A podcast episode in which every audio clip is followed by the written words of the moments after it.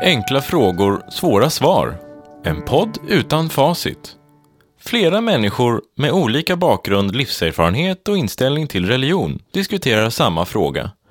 Det finns inget facit och ändå har alla sina egna svar. Avsnitt 4. Vad är Bibeln?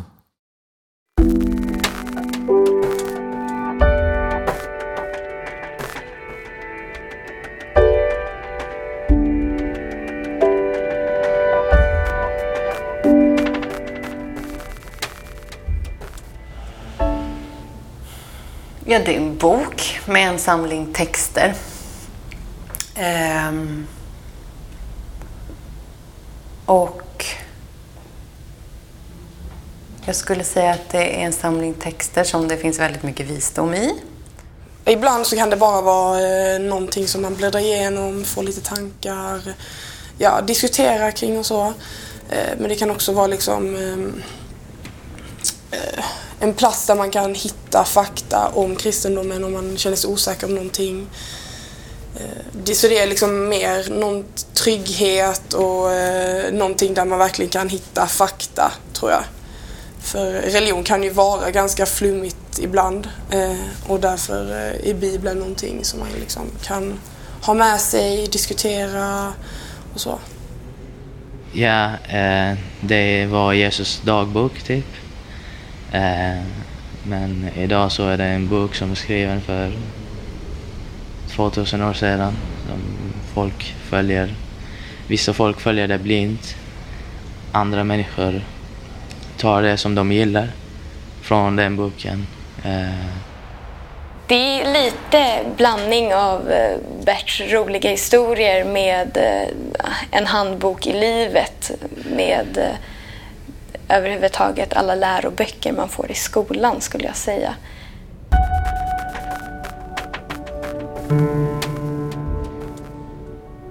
Ja, egentligen är ju Bibeln det enda, verkligen det enda vi har som kan tala om eller som är förutsättning, förutsättning för min tro. En bok. En bok skriven av människor. En klok bok på många sidor, en, en tokbok på andra sidor kan man väl också säga. Bibeln är eh, en berättelse om, om Gud som har nedtecknats under många år av, av människor. Eh, människors erfarenheter av, av Gud, möten med Gud. Eh, och med Jesus naturligtvis. Om jag inte hade Bibeln att, att uh, hålla mig fast, fast i eller att stå på för att uh, komma högt nog. Om jag inte hade Bibeln så, så skulle jag ju känna mig mycket övergiven. En, en mycket betydelsefull bok som eh, är en, en, en, en, samling saker som man får att gå, lov att gå tillbaks till många saker och läsa, eh, uppleva eh, evangelierna och vad Jesus har sagt och bergspredikan och alltihop det där.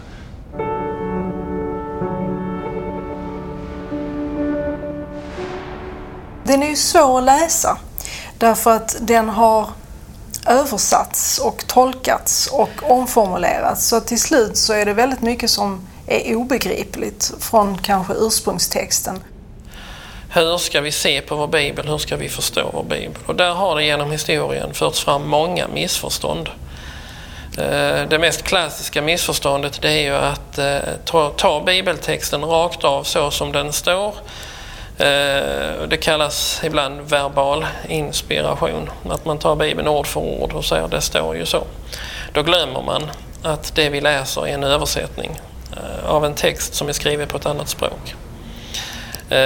Man glömmer också att det är skrivet i ett sammanhang där orden bär på lite andra betydelser. Men en sak jag är intresserad av, eller så här, jag har tänkt att Bibeln kanske är en belastning för kristendomen. Eller jag skulle i alla fall vilja ställa frågan till någon. Är den det? Jehovas vittnen, bokstavstrogna muslimer. Alla har ju den synen att svaret finns här. Du ska bara läsa det här. Jag menar målet är ju bara, men sätt bara igång och läs. Du kommer hitta allt. Men det, det, det, det är ju en... Det, det är därför man inte kan ha en diskussion med en person som bokstavstrogna. Det är helt omöjligt att diskutera någonting för att allting refererar hela tiden tillbaka till det som står skrivet. Och alltså kan du inte bryta, du måste bryta den ramen helt och hållet för att kunna ha, de måste bryta den ramen, ursäkta mig, för att kunna ha en rimlig diskussion med någon utanför den ramen. Eh, och ska man ha en diskussion med en person som förhåller sig på det sättet så får man vara medveten om att, att det är det som är deras ankare. Och att de kommer inte lämna den ramen om de inte genomgår någon gigantisk livskris. Jag ska citera eh, påven Benedikt XVI. Ehm, eh, citera mer eller mindre.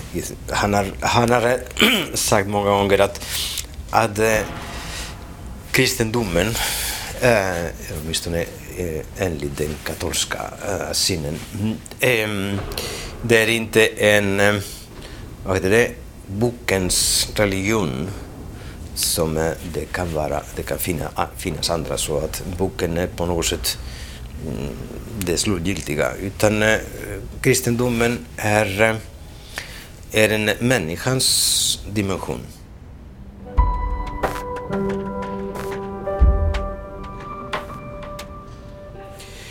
Det vill säga att det inte heller, kristendomen är inte heller någon eh, lag eller moraliserande eh, lag, utan det är en person, Jesus Kristus.